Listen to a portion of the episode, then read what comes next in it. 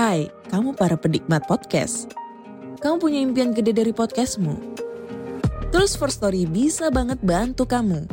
Mulai dari F-Link, Dynamic Audio Insertion, sampai statistik yang komprehensif. Semua ada di First Story. Gak ketinggalan kamu bisa monetisasi podcastmu lewat iklan dari First Story Ads yang bisa kasih kamu penghasilan dari setiap place podcastmu. Yuk gabung sekarang dengan klik di firststory.me. Sekali lagi, klik di firststory.me. Mari kita bawa mimpi podcastingmu menjadi kenyataan. Hello? Hello? Podcast Network Asia. Lisir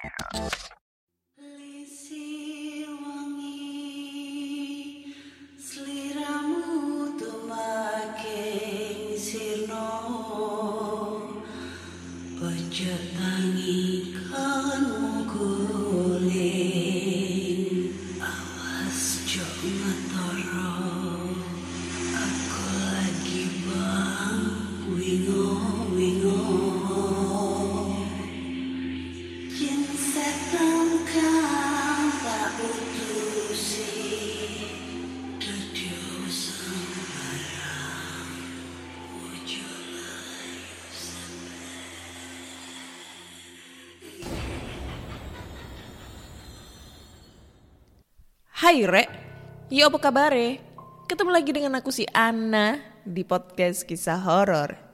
Kita bertemu di episode 166 dan di episode kali ini aku akan bacakan cerita horor ataupun email berhantu yang sudah dikirimkan teman-teman melalui podcast kisah horor at gmail.com atau di Instagram podcast kisah horor serta Google Form yang linknya tersedia di bio Instagram podcast kisah horor. Oke. Sebelum kita membacakan cerita horor nih, aku mau menyampaikan eh, beberapa komentar dari pendengar podcast kisah horor yang kebetulan sem- apa mampir ke channel YouTube aku ya. Ya, banyak banget yang bilang kak kok nggak upload lagi gitu, kok nggak upload lagi. Jadi dua minggu ini aku jarang upload di YouTube ya. Udah ya Insya Allah ke depannya pasti aku upload terus setiap satu minggu sekali atau satu minggu dua kali aku pasti upload terus. Yang pertama mungkin karena kendala ini rumah kamarku habis udah bocor guys. Bocor terus kan setiap hujan tuh bocor terus bocor terus.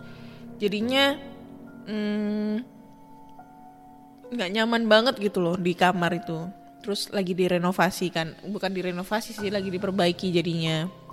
Yang bocor-bocornya itu belum selesai juga. Jadi kayak nggak nyaman banget gitu kalau misalnya kamar posisi dalam keadaan masih perbaikan terus tidur di situ terus bikin video di situ nggak nyaman. Ini aja aku tidurnya di samping kucing aku anjir. Maksudnya di samping anak-anaknya kucing aku. Nah, terus yang kedua juga karena eh, kesibukan ya, kesibukan yang merajalela gua gitu sebagai seorang guru, pengajar dan juga wakil kurikulum, eh bukan, wakil kepala sekolah. Ya sama aja bagian kurikulum. Wah, sombong. Gini-gini gua wakil kurikulum anjir.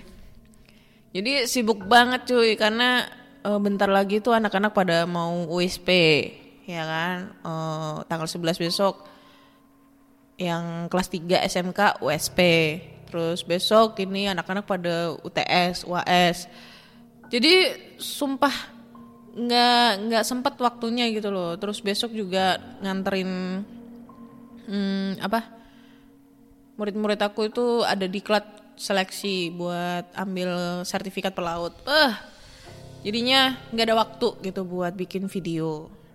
Gitu. Tapi insya Allah mungkin mulai minggu depan lah udah mulai aktif aku tuh bikin video gitu. Supaya teman-teman bisa melihat wajah aku yang yang aneh gitu ya. Bukan yang cantik tapi yang aneh. gitu guys. Terus aku juga mau ngasih pengumuman nih. Nggak tahu ya kapan ya insya Allah ya. Hari Kamis kan kebetulan eh, aku ulang tahun nih. ulang tahun aku. Jadi eh sebelum awal sebelum puasa tuh mungkin aku mau bikin video atau vlog di sana gitu yang aku sebut eh, hotel Niagara ya. Aduh kebanyakan janji nih Ana. Kapan sih? Udah nggak usah banyak bacot langsung aja ke sana gitu kan. Banyak pasti banyak yang ngomong kayak gitu. Cuma kalau aku nggak ngejelasin dulu alasannya kenapa, pasti banyak yang ngejudge gitu dipikirnya aku nggak aku bohong nggak ke sana ke sana gitu makanya aku ngasih tahu alasannya kenapa belum bisa sempet ke sana belum bisa ngelakuin take podcast di sana dan lain-lain karena ada kesibukan sendiri gitu. Dan harus mencari waktu yang pas gitu. Ya malum aku kan anak anak mama gitu anak mama sama anak, anak bapak bukan anak tetangga ya.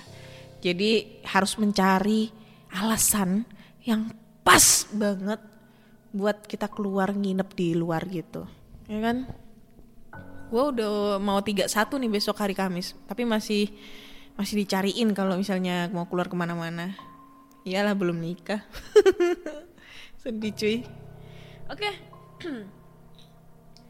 Langsung aja kita bacakan cerita-cerita horor nih ya. Dan cerita pertama ini datang dari email. Nah nih. Cerita pertama ini datang dari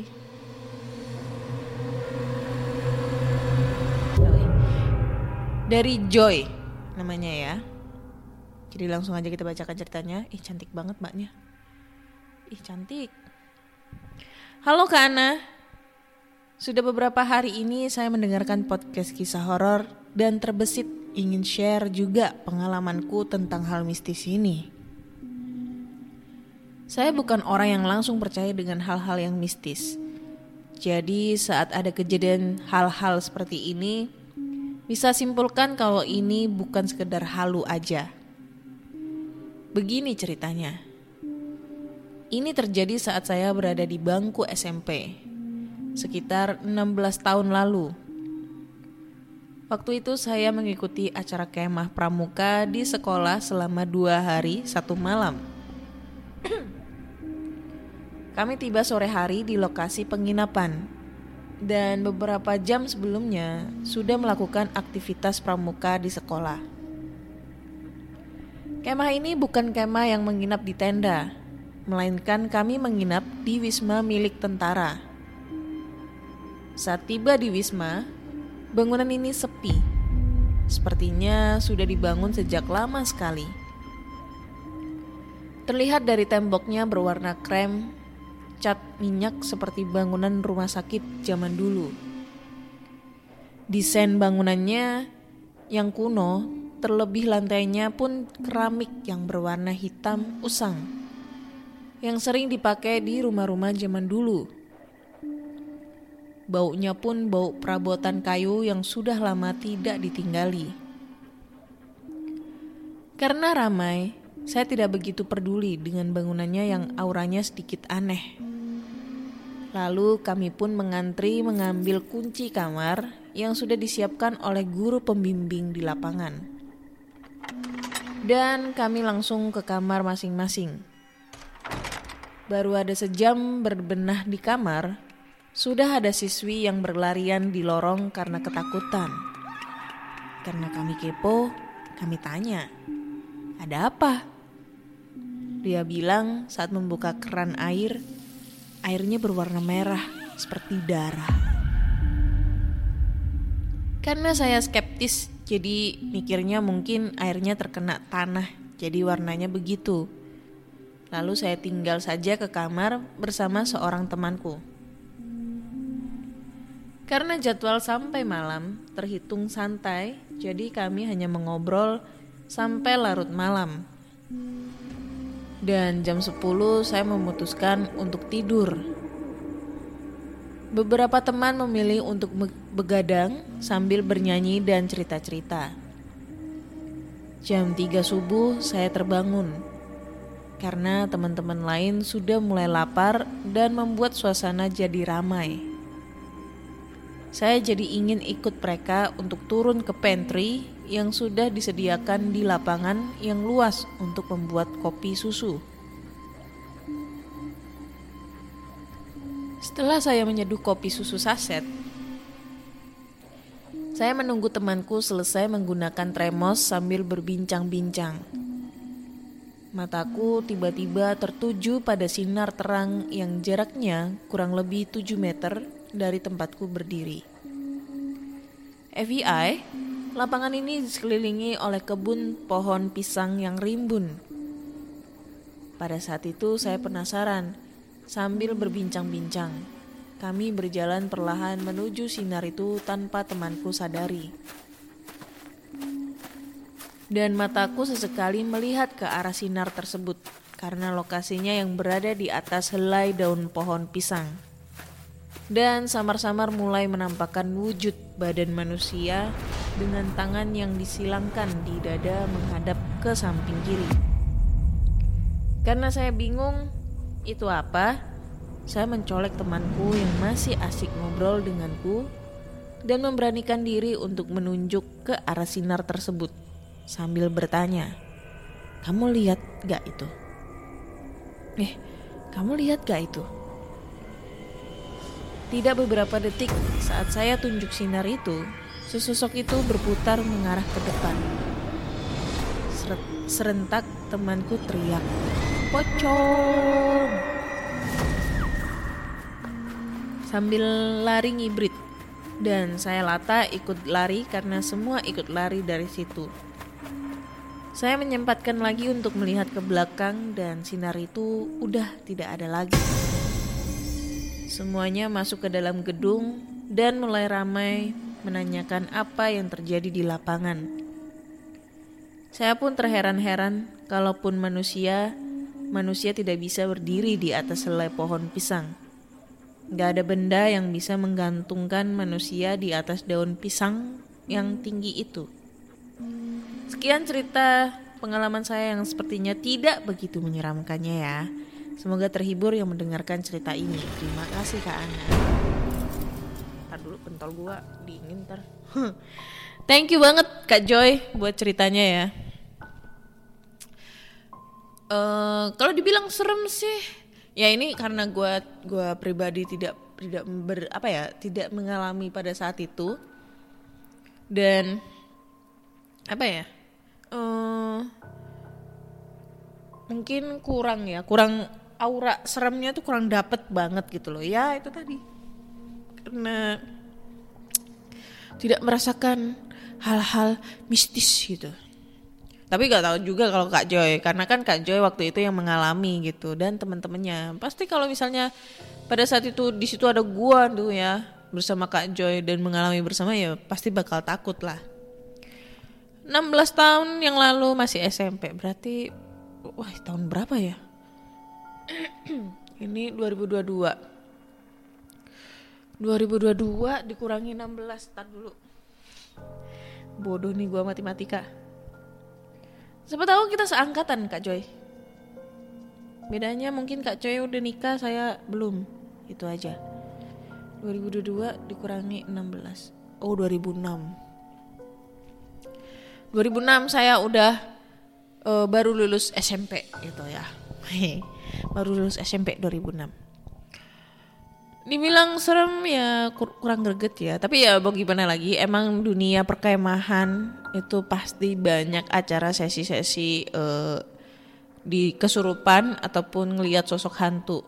Nggak tahu kenapa ya, nggak tahu kenapa. Pokoknya setiap kita mau berkemah, entah itu kemah di sekolah, entah itu kemah di bumi bumi perkemahan, pokoknya judul perkemahan itu pasti ada cerita horor di sana. Gak nggak bisa nggak bisa ini nggak bisa uh, apa ya memecahkan mas uh, memecahkan kenapa setiap uh, kata-kata perkemahan kegiatan perkemahan itu pasti ada sesi ngelihat hantu atau sesi kesurupan kesurupan massal lagi itu ya Ya kayak ke cerita episode kemarin tuh ada yang kesurupan yang aku cerita kesurupan massal di sekolah. Terus kemarin itu apa itu yang cerita kesurupan massal juga? Di mana itu? Oh di sekolah di Medan itu ya kan? Itu kayak gimana gitu ya. Tapi kalau semisalnya di bumi-bumi perkemahan itu gua uh, pasti agak sedikit masuk akal ya kalau misalnya ada sesi ngelihat hantu atau eh, kesurupan. Karena apa? Karena kalau misalnya kita itu ada sesi per- berkemah, berkemah, berkemah, ya kan? Eh, camping, apa ya? Persami, persami.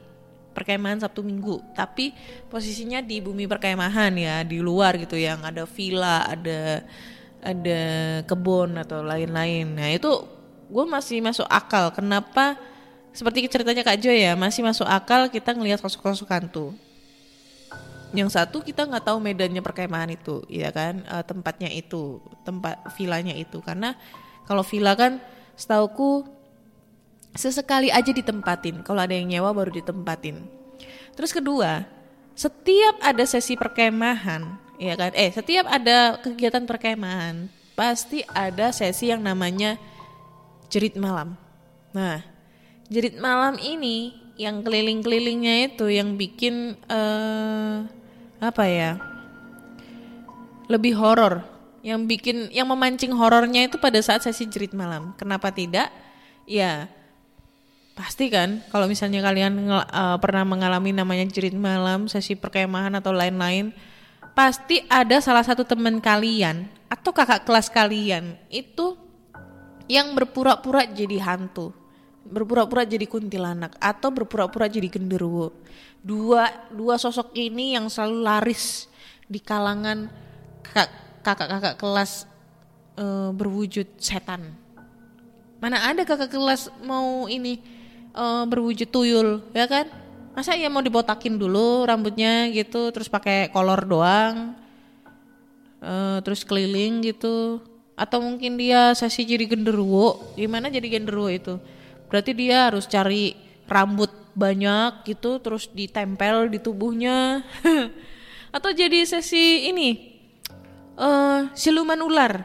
Nah, gimana tuh? ya konsepnya jadi siluman ular kalau misalnya ada jerit malam tuh. Apakah dia menggeleot-geleot sambil menarikan nari ular?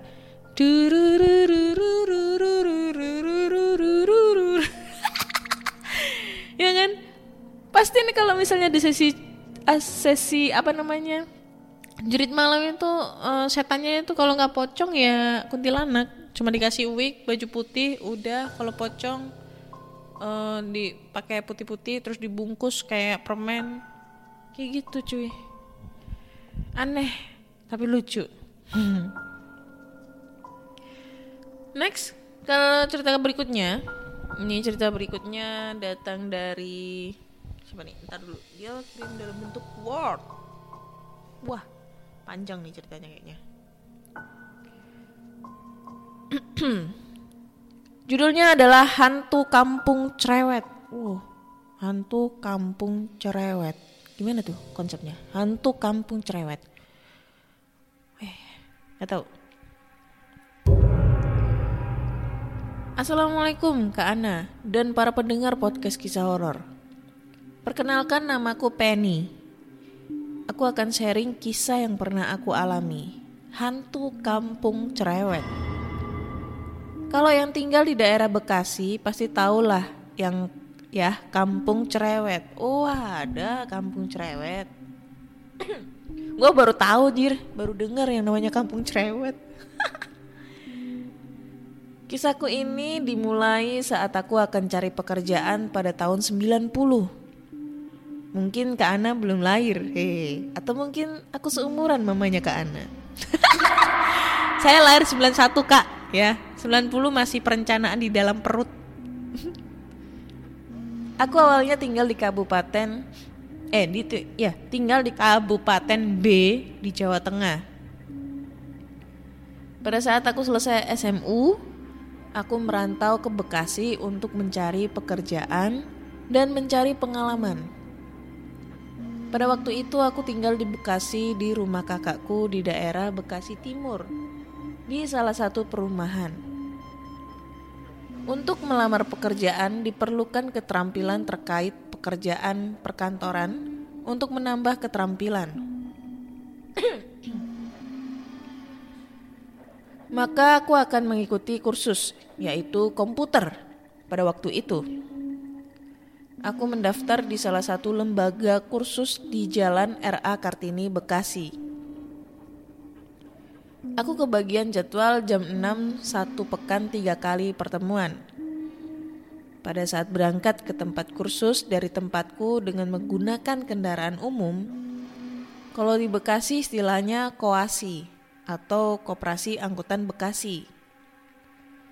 Aku keluar dari rumah pas azan maghrib menyetop koasi sampai terminal Bekasi. Pas turun dari koasi masih biasa aja. Setelah turun karena kalau ke tempat kursus harus sambung koasi yang lain. Aku udah nggak sadar tuh, tahu-tahu aku sudah di koasi lain yang di dalamnya sudah penuh penumpang. Aku bingung karena di dalam koasi kok penumpangnya pada diam semua dan pada nunduk. Mukanya pucat tapi aku pikir mungkin karena kena lampu koasi yang gak terang atau remang-remang, jadi pucat. Di tengah perjalanan aku mendengar keneknya berteriak, kampung cerewet, kampung cerewet. Aku kaget lah, karena tempat kursus di barat sedangkan kampung kampung cerewet di timur. Aku pikir salah naik koasi nih. Terus aku bilang, stop lah sama keneknya. Bang, stop, saya salah naik. Pas aku mau bayar keneknya diem aja, pucat gitu wajahnya. Tapi koasi, koasinya berhenti. Suasana pas aku turun kayak di sinetron-sinetron berhantu zaman dulu lah. Yang ada asapnya gitu. Nggak terang. Ya Kak Ana tau lah ya. Setelah aku turun dari koasi, aku nyebrang lah balik arah naik koasi lagi yang ke terminal. Pas naik lagi, suasana koasi juga begitu remang-remang dan penumpangnya wajahnya pucat, diam menunduk. Ada perempuan, ada laki-laki. Pas aku ngerasa sudah sampai di terminal, aku baru sadar dan aku bingung banget. Kok rame banget? Aku di mana? Aku istighfar sampai tiga kali, aku baru sadar ternyata posisiku nongkrong di bawah tiang jembatan penyeberangan antara terminal dan pasar baru Ramayana waktu itu. Kak Ana tahu nggak apa yang aku alami ternyata setelah aku sadar sepatu yang aku pakai kotor sekali kayak aku habis bajak sawah. Pelepotan lumpur semua sampai ke betis. Aku bingung, dari mana aku? Kok kotor sekali? Terus aku gak jadi berangkat kursus, aku pulang. Setelah sampai rumah, kakakku nanya, dari mana kamu? Kok kotor sekali? Aku ceritakanlah kejadian yang aku alami ke kakakku. Kakakku kaget di kampung cerewet kan ada kuburan yang angker. Kata kakakku, aku dibawa atau diseret sama hantu. Tapi yang aku rasakan naik koasi. Demikian Kak Ana kejadian yang aku alami. Maaf ya kalau penyampaian ceritanya kurang urut. Tanda bacanya gak bener. Karena baru pertama kali kirim cerita. Insya Allah lain kali aku kirim cerita dengan kisah yang lain. Pesanku untuk jangan keluar rumah pas azan. Kalau mau keluar, tunggu sampai azan selesai. Terima kasih Kak Ana sudah dibacakan ceritanya. Tambahan, aku penggemar Kak Ana dan PKH selalu menemaniku saat berangkat dan pulang kerja. Rasanya hampa kalau nggak dengerin suara Kak Ana beserta batuk-batuknya. ah ingat mas, anak anak sama suami di rumah ya. Eh, sama, kok sama suami ragil dong. anak sama istri anjir. Ya habisnya masnya kelahiran 9 eh enggak sih? Udah tahun 90 eh pas tahun 90 masnya ini lagi nyari kerja ngerantau gila. Sedangkan aku 90 masih perencanaan di dalam perut. Udah udah blending sih mak gua udah blending 91 udah brojol pas bulan Maret ini cuy tanggal 24 besok. Jangan lupa kasih kado ya buat saya ya. kasih kado kirim ke rumah saya. Nggak tahu alamat rumah saya bisa DM. Hmm, mantap. Itu dah. Ini cerita horor zaman dulu. Hmm, kalau menurutku sih lumayan serem ya, lumayan serem. Ini sebenarnya ya ceritanya masnya yang tentang ini kan ceritanya dia mau kursus tuh, tapi kayak naik angkot angkot berhantu gitu ya. Koasi koasi itu kan apa tadi namanya? Koasi itu tadi lupa gua. Jadi intinya dia naik angkot berhantu terus nyasar gitu ya. Itu jujur aja aku terbayang banget sama eh, ada dulu zaman dulu tahun berapa ya? 2000-an nggak salah tahun 2000 awal itu. Itu ada eh, cerita-cerita horor tuh. Yang menurutku ilustrasinya itu serem banget dan detail banget sampai yang mukanya rusak apa segala macam. Jadi eh, nggak nggak pakai efek-efek yang kayak zaman sekarang gitu. Yang eh, cerita-cerita hantu zaman sekarang kan sinetron-sinetronnya itu ada efek-efeknya. Itu namanya kismis kisah-kisah misteri. Biasanya itu tayangnya setiap hari Kamis malam jam 10 atau jam 11 malam itu gue selalu mantengin setiap hari Kamis itu eh, acara itu. Nggak salah gue masih SD tahun 2000 pokoknya SMP awal-awal SMP atau berapa gitu loh tahun 2003 2022 2003 lupa lah pokoknya awal-awal 2000-an kalau nggak salah itu. Ya itu. Itu tuh ada salah satu segmen adegan ka- eh, kayak mas mas apa tadi namanya? Lupa aku mas ya itu mas itu tadi. Siapa sih namanya? Lupa. Ya itulah pokoknya. Itu dia eh, ini apa naik angkot angkot berhantu gitu loh. Naik angkot berhantu terus eh pada nunduk semua pucat semua penumpangnya abis itu nggak lama kemudian pas pas dia udah ngerasa aneh nggak nyaman dengan suasana seperti itu pas balik badan beh semua penumpangnya wajahnya rusak hancur. Kayak apa ya? Ya kayak korban kecelakaan gitu lah. Itu ada lah. Kalau kalian penasaran tuh kalian bisa nonton di YouTube lah. Di YouTube tuh ada kok eh, namanya kismis kisah-kisah misteri. Kalau generasi tahun 90-an itu pasti tahu eh, pernah nonton eh, acara ini ya. Nggak salah yang Arzeti Bilbina nggak salah itu hostnya itu. Eh kok Arzeti Bilbina? Eh lupa gue siapa hostnya. Itu dah. Terus ceritanya masnya ini juga ngingetin salah satu cerita. Gue lupa di episode berapa. Aduh awal-awal lah episodenya itu. Jadi ada salah satu pendengar yang kirim cerita kalau dia habis naik han- eh, kereta berhantu nah jadi dia nih eh, jadi ceritanya dia naik kereta berhantu. Terus habis itu aduh maaf. Habis itu dia naiknya itu dari mana ke mana gitu loh gue lupa. Pokoknya di daerah Jakarta atau mana gitu dari mana dari stasiun A ke stasiun B gitu ya.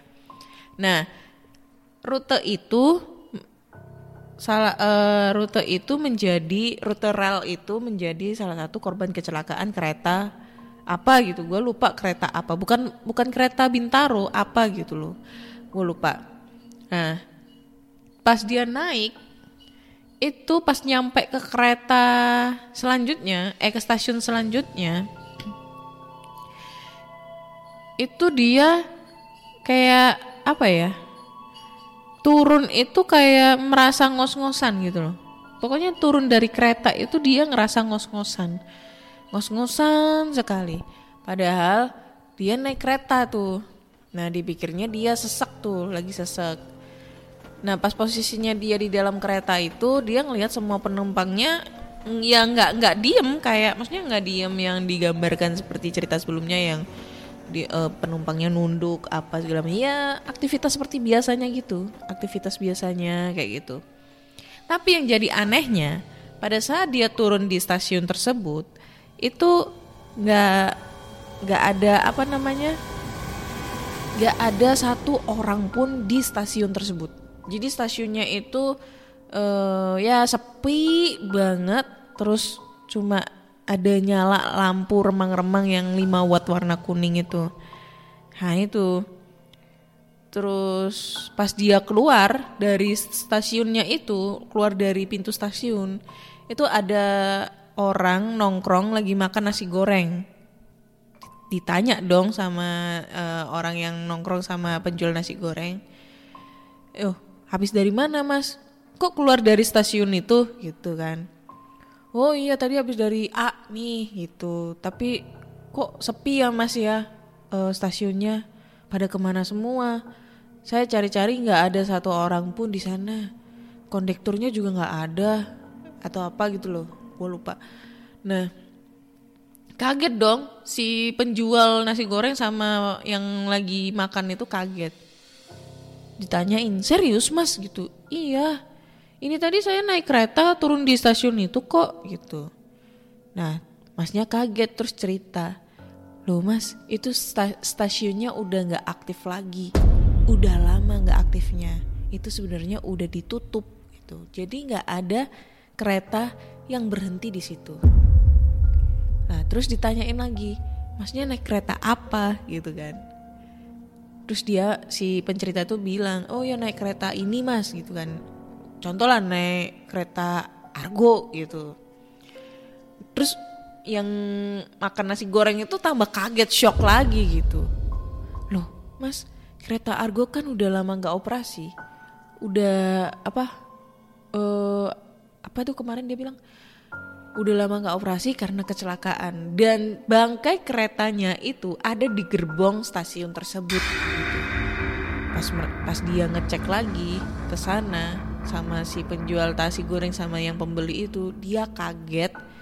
Jadi posisi di stasiun itu cum sepi sekali berantakan dan apa ya kursi-kursinya pada berantakan dan emang posisinya tertutup tertutup pakai tutup-tutupan asbes seng gitu. Dan yang dia lihat di situ bener ada gerbong kereta yang udah nggak aktif ka- bekas kecelakaan didiemin di situ jadi dia sama nih kayak ceritanya mas yang barusan itu jadi dia naik kereta dia eh, jalan jalan kaki sepanjang rel dari kereta stasiun A ke stasiun B jadi dari stasiun A, stasiun B itu dia jalan kaki sepanjang rel kereta itu.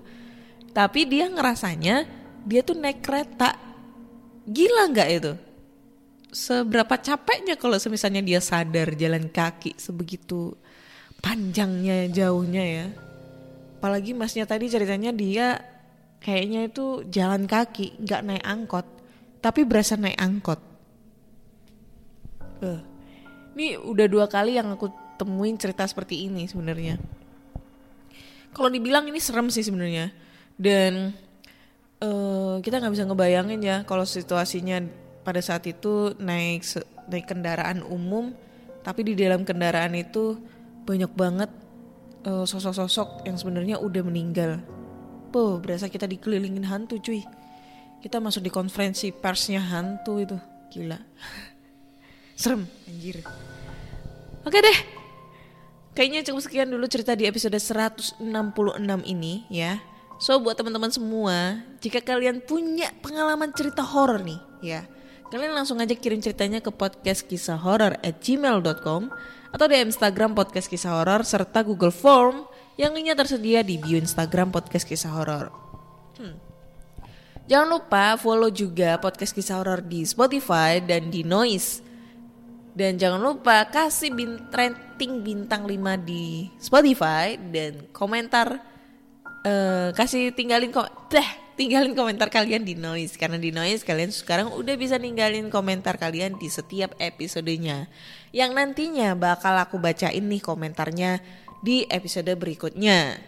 Dan jangan lupa subscribe juga channel YouTube aku namanya Ana Olive. Subscribe, like, komen, dan share. Agar aku lebih semangat lagi nih bikin konten YouTube nih. Biar hidup nih ya kontennya ya, nggak mati suri lagi. Akhirnya saya Ana undur diri dan bye-bye.